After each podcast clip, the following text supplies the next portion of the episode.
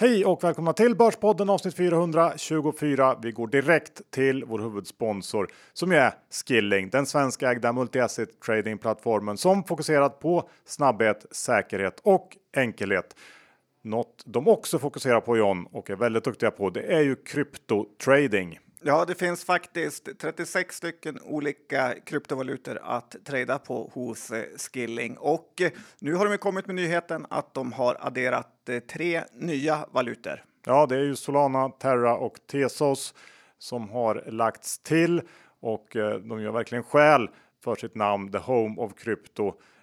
Och det här är ju inga små valutor sett till market cap, eller hur John? Nej, så är det ju. Solana har ju ett eh, market cap på eh, över 40 miljarder dollar så att det, det är riktiga kryptovalutor här. Ja, och ses väl lite som en, en utmanare till eh, ethereum.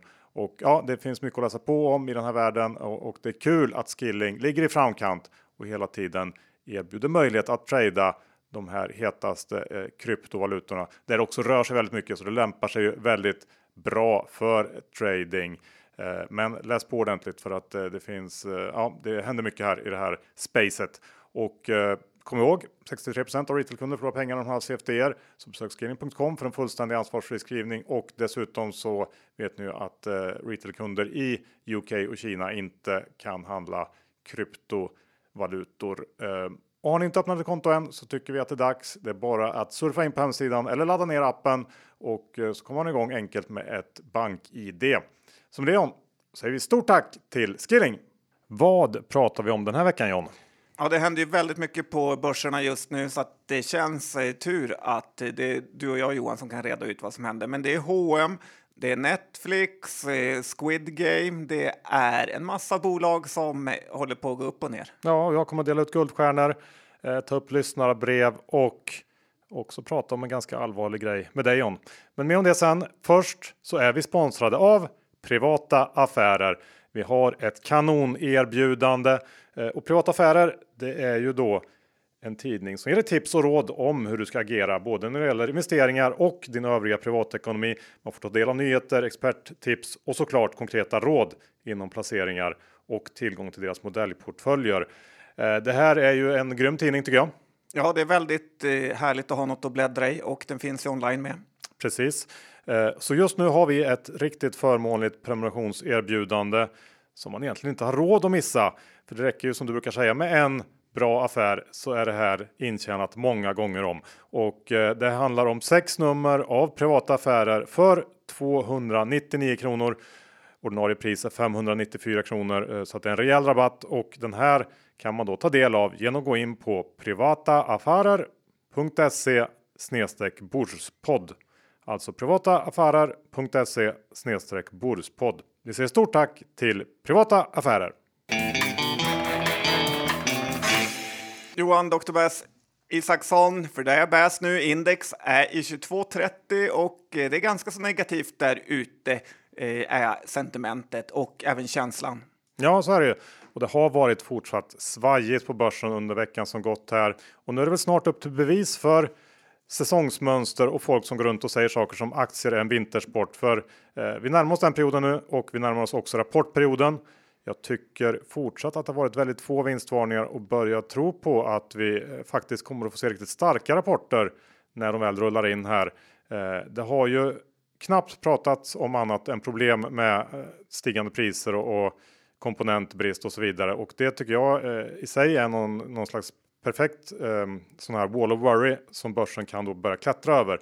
Eh, så jag tycker ändå att det känns hoppfullt. Det finns ju för sig lite tid kvar att vinstvarna på, men eh, ja, börjar se lite positivt ut tycker jag. Ja, dessutom är Dustins eh, rapport idag som visar att den här komponentbristen verkar, eh, ja, de nämner den inte ens. Så att eh, jag tycker att det kan vara något börsen har spelat upp alldeles för stort. Ja, och um det här med börsen då, går den alltid upp eller? Ja, men den gör ju det och eh, ibland när man säger så eh, så kommer någon besserwisser eh, och säger att det inte alls är säkert. Men fakta är att det faktiskt är så. För varje år i världen så ackumuleras det ett värde som vi människor gör och bygger och forskar fram. Och börsen speglar bara det. Så även om det svajar till något år så är det i princip helt garanterat att börsen kommer stå högre i framtiden. Eh, men då säger någon, typ du Johan, att det tog börsen 25-30 år efter depressionen att eh, återhämta sig. Eh, och sen var det ju faktiskt så att mellan 1965 och 1980 var börsen i en nedåtgående trend. Och det är sant, men tittar man på vinsterna för bolagen så steg de trots att börskurserna föll, eh, vilket främst eh, betyder, tycker jag, att undviker man de mest övervärderade och hypade bolagen så kommer man klara sig utmärkt på börsen. Ja, eh, så är det väl. Jag håller med dig i stort. Och eh, jag kanske ska dela ut de här guldstjärnorna som jag har den här veckan, John. Ja, det är inte ofta de delas ut, så att, eh, jag är väldigt spänd på före. Mm, kan du gissa? Du kommer inte få någon. Ja, det var inte helt oväntat. Eh, men... Nej, men den första är till eh, Affärsvärlden Helen för den här poddintervjun med Anders Ström som kom igår och eh, den tycker jag var, var, riktigt bra och definitivt ett måste för alla Kambi och Kindred-ägare och dessutom så är den högaktuell eh, just nu efter det här debaclet i Nederländerna. Så där, där delar jag ut en guldstjärna till ja, Helen. Du och Helene har något eller? Det är, de här bilderna på dig har jag fortfarande inte glömt som ett litet R i min själ. Ja, När jag var med glömdes du bort att ta bilder. Jag vet inte vad det beror på. Nej, det är din karisma. Ja. Eh, den andra då, den, den går till Dagens Industri faktiskt. Eh, för den här eh, granskningen på slutet av miljöteknikbolaget Aselio. För det har ju framkommit massor av frågetecken kring Eh, det här bolaget och dess samarbetspartners och avsiktsförklaringar och hit och dit. Och jag måste säga att alla varningslampor skriker ju eh, stay away eh, när det gäller Aselio. De checkar väldigt många scamboxar. Vi har luddiga avsiktsförklaringar som kanske kan bli konkreta order, men det är oklart om och när. Och bolagets samarbetspartners, de är i många fall bolag som det finns väldigt, väldigt lite information om och som befinner sig då i länder långt, långt borta, är svåra att kolla upp och när de väl kollas upp så verkar de knappt existera. Jag får starka Morphic flashbacks av det här bolaget. Det kanske är orättvist, um, men jag, jag, besökte ju faktiskt Morphic när det här bolaget stod på sin topp eh, i Karlskoga någon gång runt 2008 tror jag det var och då träffade jag Jonas Eklind som då var vd för Morphic och nu är vd för Aselio. Och de här helt orimliga planerna för Morphic som han då drog för mig och min kollega där i Karlskoga det gör att jag nog aldrig kan ta honom eh, seriöst. Nej, han verkar vara en optimistisk eh, kille och eh, du ska kanske få en liten guldstjärna med som ändå har kallat det här för något typ av rövcase under en lång period. ja, möjligt. Eh, men då har vi delat ut dem och går vidare till du börjar i och för sig låta lite som Breakit-Steffe som delar ut cred till höger och vänster för att hoppas att få tillbaka det. De, det inte, du kommer inte få jobb på något av de här ställena. Nej, okay, nej. Vilka är eh, de nya Smart Moneyon? Ja, men det kan man fråga sig. Men jag skulle faktiskt säga att det är Avanza och Nordnet, also known as småsparare, är faktiskt på väg att bli nya smart money. Medan de här utländska fina mäklarnamnen som Goldman Sachs, Merrill Lynch och Deutsche Bank numera är dumma pengar. Eh, den allmänna känslan har ju länge varit att eh, småspararna är de som alltid gör bort sig och de stora drakarna är de som eh, skor sig. Men jag tror vändningen har kommit dels på grund av att de här stora indexfonderna som helt eh, ignorerar det mesta vad gällande smidighet och pris, eh, som att de till exempel körde upp de här investmentbolagen till enorma överpriser. Men också för att det tillkommit så många nya robothandlande algofirmor som kör eh, stenhård momentumtrading eh, som inte har något med själva fundamenta att göra utan är bara ett försök till att pressa en aktie kortsiktigt så långt som möjligt åt ett håll för att eh, nästa dag helt vända på steken. Och nästan jämt eh, så ser man hur eh, småspararna står på den vettiga sidan och går emot de här flödena, vilket långsiktigt jag tror förmodligen är det absolut smartaste. Ja, men det håller jag med om och det här är ju en ny typ av möjlighet som har på något sätt uppenbarat sig sista åren och det tycker jag eh, småspararna gör bra som eh, tar del av på något sätt. Ofta John, när man träffar någon som jobbar på något storbolag så har den personen ganska starka åsikter om bolaget i fråga. Och eh, hur är det? Ska man lyssna på vad en sån person säger. Nej, men det ska man ju verkligen inte göra. Framförallt ska man passa sig för att lyssna för mycket eh, i företag där man själv äger aktier eller funderar på att köpa i. För det är alldeles för lätt att bli negativ då Eh, för att den anställde då tycker att det är mycket problem på sitt bolag. Det är dålig ledning. Det är alltid dålig ledning, Johan. Det är föråldrade datasystem och det är för mycket centralisering och så vidare och så vidare. Kanske spagettikod. ja, så är det ofta. Ja. Eh, men grejen eh, med de här personerna som eh, det inte de fattar är att de har ett jobb just för att det är jobbigt och mäckigt och att det behövs någon som kan lösa olika problem för det här företaget. Eh, jag vet inte hur många bra affärer jag missat, men det är ganska många för att man lyssnat för mycket på någon gnällspik eh, eh, som har betydligt sämre omvärldskoll än vad en aktieintresserad person har. Eh, och eh, som aktieägare gäller det faktiskt att göra en helhetsbedömning. Och det gör man inte för att det lokala Sundbybergskontoret har stressade arbetsvillkor eller att de inte lyssnar på oss på golvet. Ja, men jag håller helt, helt med. Det är lite det här med att uh, man ser inte skogen för alla träden. Uh, och uh, ja, det är lätt att bara som en anställd fokusera på de här små problemen i ens egen avdelning eller kontor och missa den stora bilden. Och, The bigger picture. Exakt. Um, jag tänkte jag ska höja stämningen lite. Oj då, är du ta, börjat ta lyckopiller Johan? Nej. Är det för att krypto går upp varje dag? Du är så glad. Det kan, jag har inte tänkt på om det kan finnas ett samband. Eh, men, men för många så är det lite tufft nu. Många favoritaktier där ute har faktiskt gått ganska uselt eh, länge nu. Och jag tänkte jag ska påminna om varför man ändå håller på med börsen och alla möjligheter som faktiskt finns där ute. Så jag har gått sex år tillbaka i tiden eh, och tittat i vår mailbox. Och varför har jag gjort det? Jo, jag satt här i veckan och slöläste någon lista över amerikanska vinnaraktier i år och noterade att ett bolag som heter Celsius Holding eh, fanns med där på listan med en uppgång på 85 Och det, då slog det mig att eh, vi för många år sedan fick ett mejl från en lyssnare som tipsade om det här bolaget. Så jag eh, bestämde mig för att leta upp det här mejlet för att kolla vad han skrev och det var i februari 2015 eh, som en lyssnare som vi kan kalla för Jakob eh, skrev så här. För att han heter det eller? Ja, eh, Hej Börspodden! Ni är grymma. Eh, ja. Eh, som ni kanske har sett dricker alla Celsius energidryck. Produkten är dyr och populär och jag har börjat bli sugen på att investera i företaget som säljer den. Har ni någon åsikt om företaget? Tror ni att det kan vara en bra investering? Jag använder mig utav Avanza fast där verkar jag inte kunna köpa aktien. Hur ska jag gå tillväga? Och sen har jag svarat eh, eftersom du sällan svarar på mail. Eh, Hej! Kolla upp bolaget lite snabbt. Celsius är noterat på Pink Sheets i USA. Skulle faktiskt kunna vara intressant. Börsvärde på cirka 20 miljoner dollar och växer snabbt. Förlorar dock pengar eh, och tyvärr såg jag att Barons skrev om bolaget i början av året och kursen dubblades efter det. Men det kan vara värt att kolla närmare på. Ring till mäklarna hos Avanza och kolla om de kan köpa åt dig om du är intresserad. Så det var det. Var det. Mm, bra svar ändå. Ja, ändå hyfsat. Eh, och börsvärdet var alltså då 20 miljoner dollar för Celsius. Vet du vad börsvärdet är nu John? Faktiskt inte. Nej, det är nästan 7 miljarder dollar.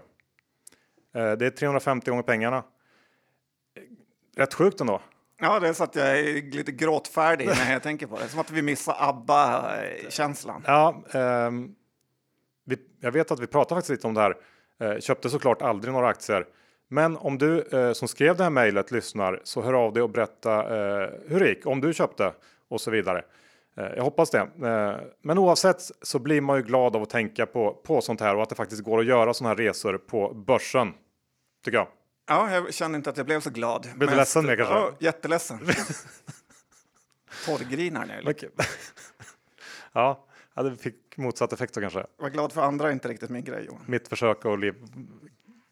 gaska upp dig. Mm. Det gick inte. Nej, okej. Okay. Um, ehm, Ska vi försöka eh, sy ihop den här första delen John eh, med eh, lite budsnack då? Kan det lyfta upp? Ja, men jag hoppas det. Och eh, det som är intressant med börsen är ju att det nästan aldrig kommer bud på bolag som har det tufft, utan det kommer alltid bud på hypade bolag. Det finns massor av bolag nu som känns eh, väldigt billiga att buda in, typ Haldex, eh, Betsson, Byggmax, eh, Kambi, Academedia, vårdbolagen där jag såg att Attendo igår tog ett års lägsta. Men istället är det typ överhypade norska fastighetsbolag som Entra som alla vill köpa. Man ska inte vara ledsen för det, tänker jag, för att eh, det är alltid bättre att hitta ett bra bolag med nedpressad aktiekurs som gör en comeback än att få ett bud på sig. Till exempel skulle Haldex få ett bud på sig nu med en 25 i premie så skulle budet komma in kring 57 kronor. Det är ungefär vad aktien stod i för två månader sedan. Eller om Betsson skulle få ett bud med 25% i premie, som är väl någon typ av vanlig premie, så skulle det knappt räcka för att eh, betala för vad aktien stod i för en månad sedan. Det går fort i hockey säger man Johan, men det går ännu fortare på börsen. jag håller helt med och jag tänker det här hör ju ihop med eh, hur många generellt agerar på börsen. Eh, man säljer på botten och köper på toppen. Precis så eh, fungerar det när det kommer till bud också. Vi är den vecka sponsrade av fondbolaget Kliens. Kliens är ju just nu kända Johan för deras otroligt vassa stockpicker till fondförvaltare Carl Sundblad som rattar deras småbolagsfond. Ja, vi har ju pratat om Klients småbolagsfond tidigare i podden. I månadsskiftet fyllde fonden fem år. Ja, och eh, det är värt att ta upp för att den har ju verkligen krossat index. Den har haft en årlig snittavkastning på 27 procent efter avgifter och eh, på fem år så har den gått upp 213 procent mot index som har eh, gått upp då 131 procent. Dessutom i tider av att eh, eh prata om fondförvaltning och indexprestation eh, så har den överträffat index varje enskilt år, något som är extremt ovanligt. Ja, och vi var ju för övrigt först ut med nyheten att Kliens skulle lansera en microcap-fond i september förra året och eh, ett år efter fondstart så ser det riktigt bra ut. Microcap-fonden upp över 45% på 12 månader. Ja, och nu har jag ytterligare en god nyhet från Kliens. Börspodden vet ju som vanligt saker lite före alla andra. Okej, okay, eh, vad är det för nyhet då? Det är ju att de ska lansera fonden Klients Global småbolagsfond och den lanseras nästa månadsskifte. Så håll utkik på Avanza Nordet och andra fondplattformar. Där hittar man alla Klients fonder för övrigt. Eller prata med din rådgivare. Gör så och gå också in på klients.se för att läsa fondens faktablad och hitta mer information och där kan man också prenumerera på deras nyhetsbrev. Men glöm inte att historisk avkastning inte är en garanti för framtida avkastning. Pengar som placeras i fonder kan både öka och minska värde och det är inte säkert att får tillbaka hela det insatta kapitalet. Vi säger stort tack till Kliens. Vi är denna vecka sponsrade av Lendify.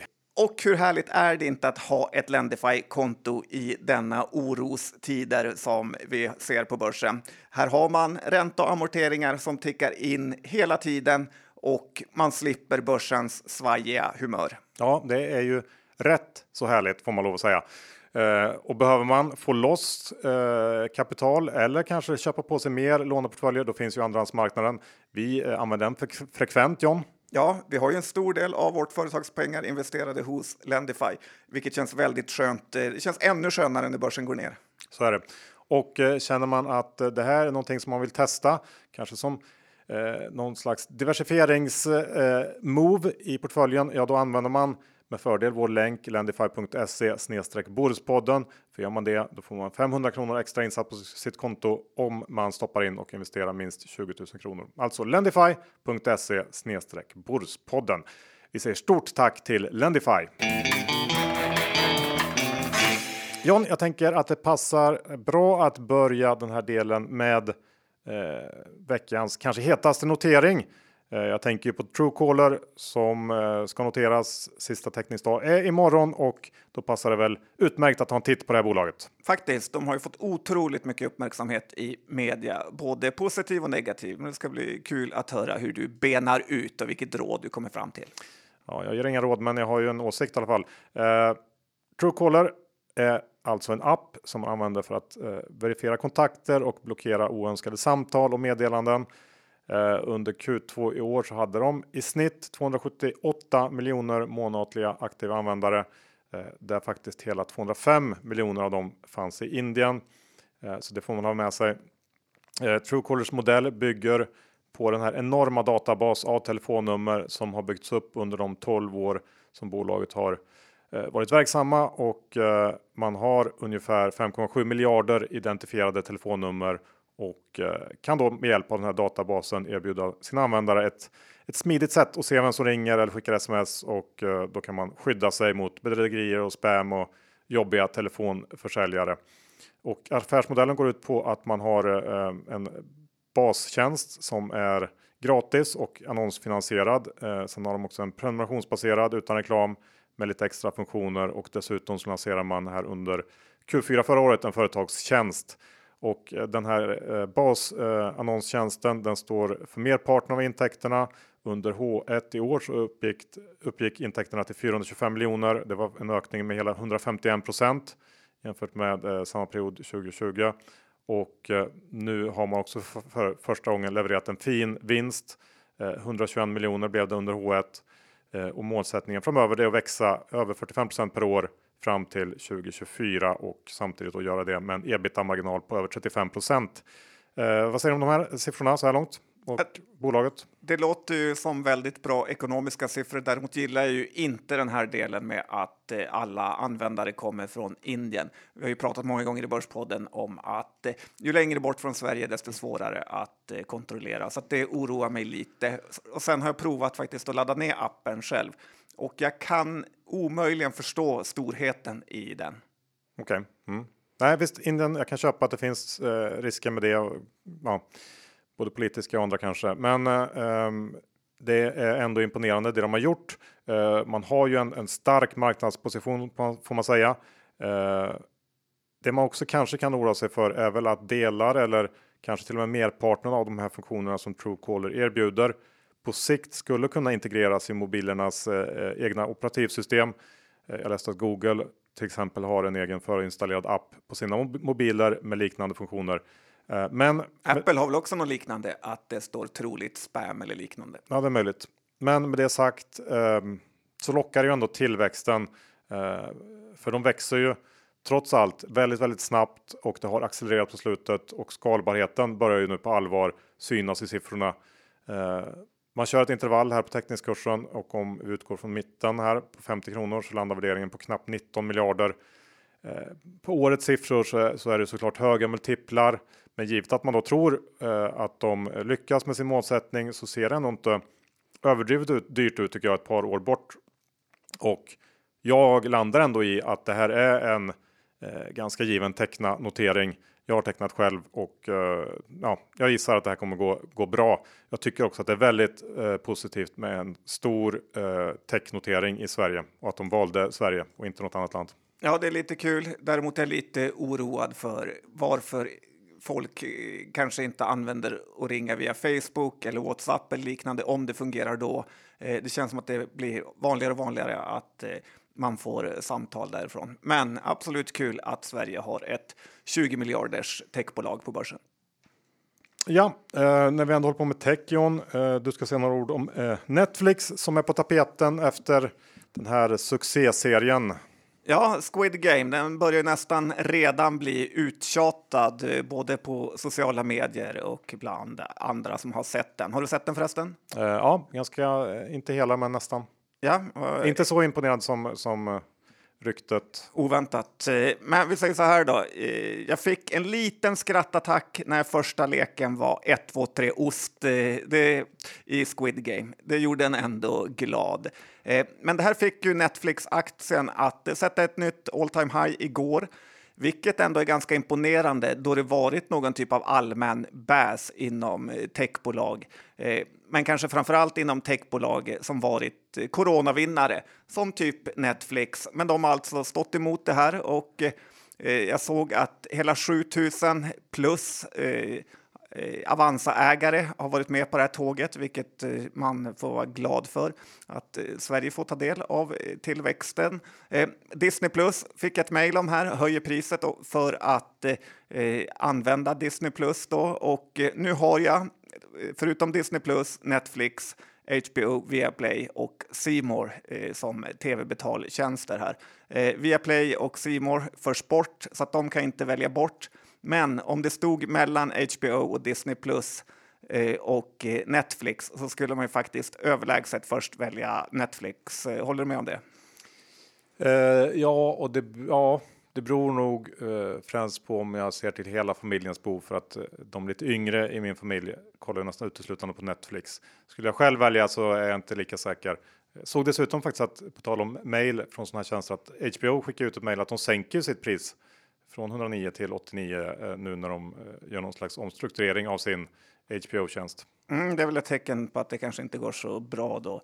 Eh, men jag måste ändå säga att det är oväntat att få en prishöjning av Disney Plus, för det är ju den överlägset sämsta eh, abonnemanget av de här. Och eh, nu såg jag att Netflix har ett börsvärde på 280 miljarder dollar mot Disneys 330 miljarder dollar. Så skillnaden är inte jättestor här längre. Så att Netflix är verkligen en maktspelare inom den här sektorn nu. Så är det. Och eh, jag tänker att vi också måste titta på eh, H&M som rapporterade förra veckan. En riktig kanonrapport, men det fanns saker som tydligen oroar marknaden. Ja, eh, jag tänkte först att vi ska gå in lite på det här med snackisen som har varit att Kina fallit bort som eh, en topp 10-marknad för H&M. Och eh, det här beror ju till 100 procent på att H&M skulle spela goda när de publicerade ett öppet brev om att de var emot Kinas omskolningsläger av uigurer, om man nu säger så. Helt rätt uttal. som då är muslimer i Kina.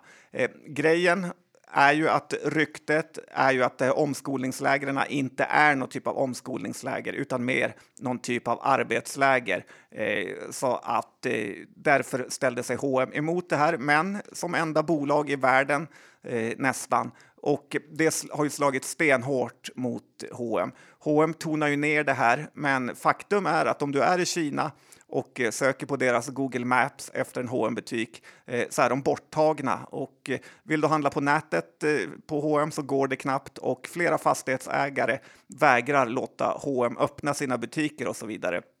Så att de är faktiskt helt körda för närvarande i Kina. Så att det är själva Kina-grejen som är lite nedtystad. Men om vi ska prata om rapporten då, så var ju den överlag väldigt eh, fin eh, men som börsen av någon anledning bestämt sig för att eh, dissa. De flesta analytikerna jag sett har ju höjt eller behållit sina riktkurser, Eh, men aktien har fallit nästan varje dag och jag har faktiskt börjat köpa på mig ganska mycket hm aktier för kanske första gången någonsin. Dessutom börjar ju H&M bli ganska billigt p-talsmässigt, inte alls dyrt, eh, mellan 13-14 eh, sådär på nästa år. Och de borde också tjäna en hel del tycker jag på återöppningarna med alla sina butiker jämfört med näthandlarna. Jag hörde på Breakit Stefans nya podd att priset på sökord för näthandlare har dragit iväg ordentligt sista tiden eftersom Amazon börjat köpa sökord igen eh, om jag fattade rätt. Eh, så att det här tycker jag också borde gynna, gynna H&M's näthandel eh, då man har ett starkt namn som nog får mycket gratis eh, trafik. Och sen har ju H&M massa butiker som ska stängas också, vilket man faktiskt eh, kan se som något positivt. För när H&M har moderniserats så kommer det ju vara ett mycket bättre företag och tänker man då att H&M är klädernas Ikea så är ju ändå H&M ljusår före Ikea i näthandel eh, som förmodligen är bland det sämsta som finns, men ändå alltså Ikea. Eh, men på något sätt går det bra ändå för Ikea och eh, det är nog lätt att bli helt blind och tro att precis all handel sker på nätet. Eh, vilket nog den här återöppningen kommer visa att det inte är så. Så att det är nog ganska bra att ha ett butiknät. Så att jag har köpt en hel del hm aktier Ja, jag har tyvärr också köpt lite H&M och jag håller väl med dig i stora drag. Det man kan säga kanske och addera är väl att eh, aktien eh, tappar lite på lite sådär halv eh, defensiva kommentarer kring framtiden och jag vet inte. H&M har väl någon slags tradition av att vara ganska försiktiga. Eh, jag är inte säker på att man ska lägga jättemycket vikt på det, men det är klart att eh, det bidrog också. Ja, det var nog lite lowballning möjligt, förhoppningsvis får man väl säga som ägare och eh, lite kul att det är 6,50 utdelning nu 29 oktober. Så är det. Sen har jag en grej John, eh, som jag måste ta upp med dig. Eh, Igen. Som är ganska allvarlig faktiskt. Kvartssamtal. Mm. Eh, sista tiden så har jag börjat misstänka att du har eh, ett sidogig som du inte har berättat för mig om. Berätta. Ja, det, eh, det skulle förklara en del eh, som jag inte förstår och det handlar om eh, Vestum, alltså för detta Wesk, som eh, sen i våras är någon slags serieförvärvare. Och det här bolaget gör ju fler förvärv än vad jag gör trades. Eh, på lite drygt en månad så har Vestum genomfört nio förvärv. Eh, man är uppe i 23 stycken sedan starten här i våras och det är ju ett ohyggligt tempo vdn eh, Conny Ryk skriver att Vestum har uppnått en hög grad av effektivitet i förvärvsprocessen och det är svårt att ifrågasätta. Men det här min misstanke kommer in. Är det så John att du är ansvarig för all due diligence på Vestum? Det är jag och Conny Ryk som eh, har delat ledarskap. Ja, men det skulle förklara snabbheten, men också göra mig lite orolig, för du lever ju inte efter devisen eh, check, double check och check again om man säger så. Nej, det är inte jag känd för. Nej. Eh, sen undrar jag också eh, hur det här bolaget lyckas hitta alla de här billiga bolagen att köpa.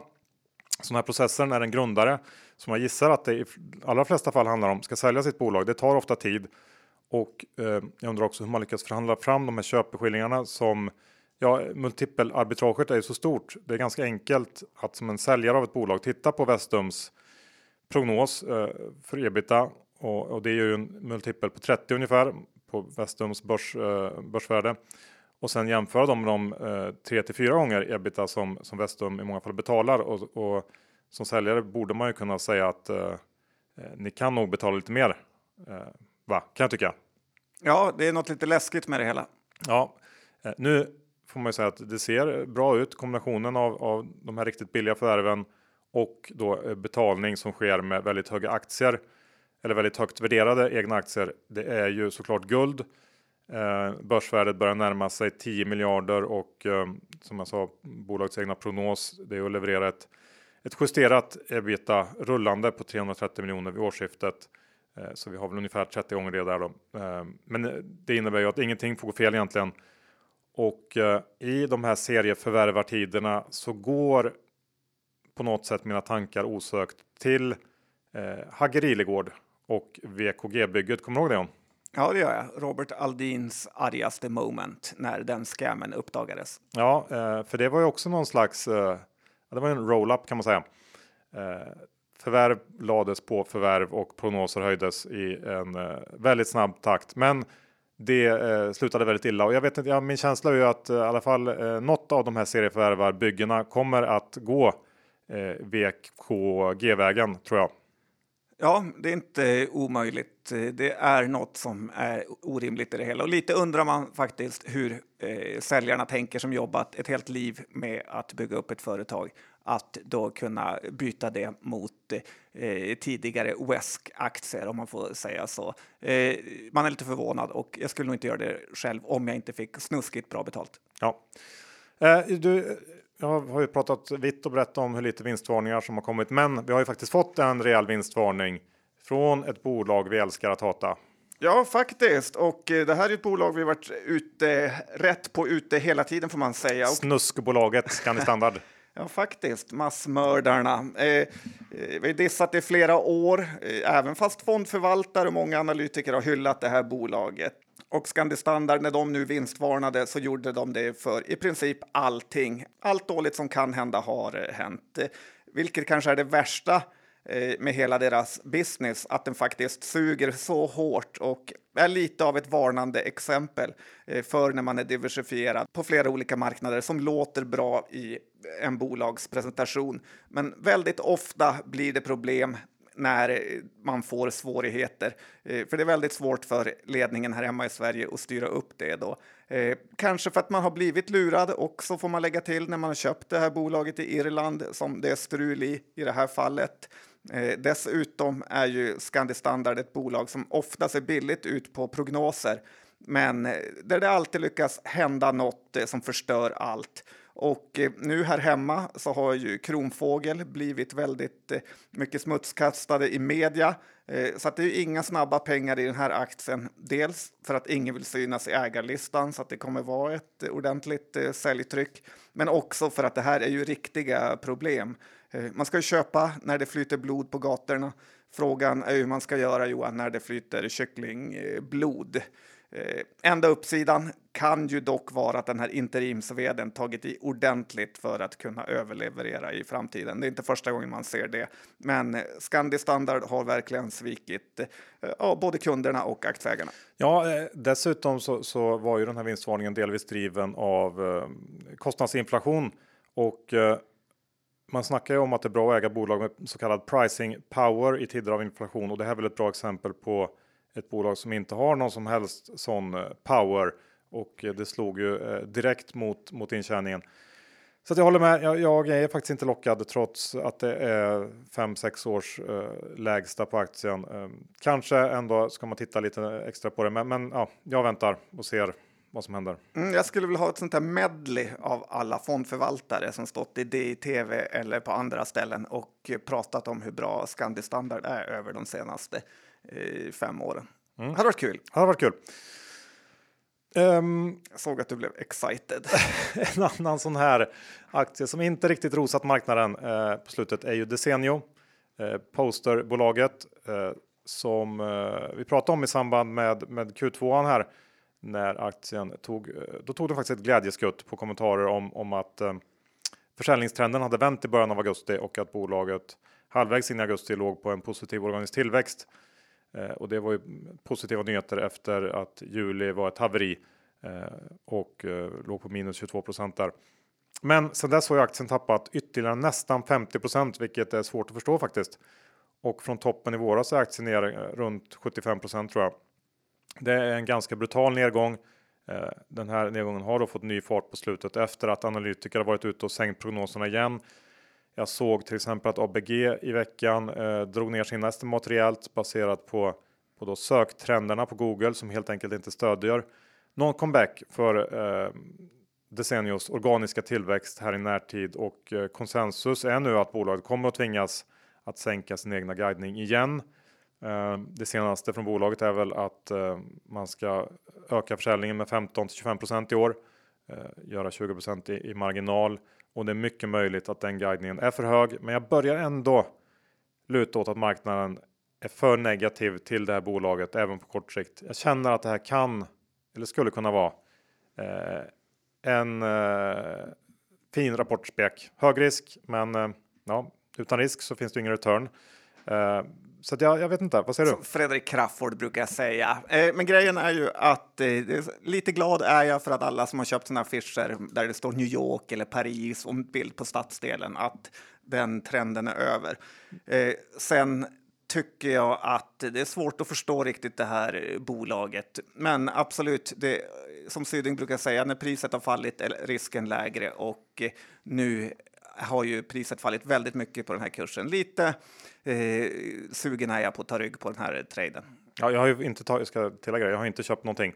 Jag börjar känna ett sug bara och ett möjligt scenario är ju att, att guidningen sänks, men kanske inte så mycket som marknaden befarat. Um, sen har vi också uh, en hel del insiderköp uh, i det här bolaget ändå efter haveriet. I och för sig juli, augusti, men ändå.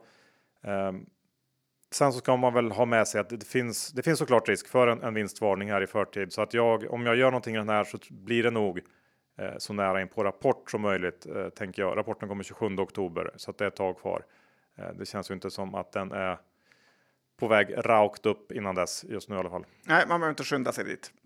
Nej, ehm, ska vi gå över till Nobina? Ja, men det kan jag tycka att vi ska göra. För det här är ett bolag som jag i grunden inte gillar så mycket, men ändå köpt en liten stek i för att eh, det alltid brukar komma tillbaka efter eh, svackor. Nobina är det här bolaget som rattar busstrafiken i Norden eh, för den som lyckats missa det. Alltså de vinner upphandlingar och så sköter de trafiken eh, åt kommuner och landsting eftersom lokaltrafiken i grunden är ju ett enormt eh, slukhål.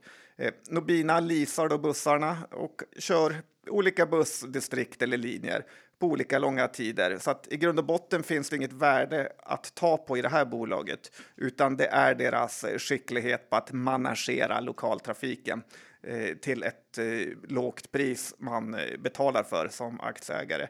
Eh, och ett sånt här bolag ska ju vara ganska lågt värderat efter, och det är ganska lågt värderat.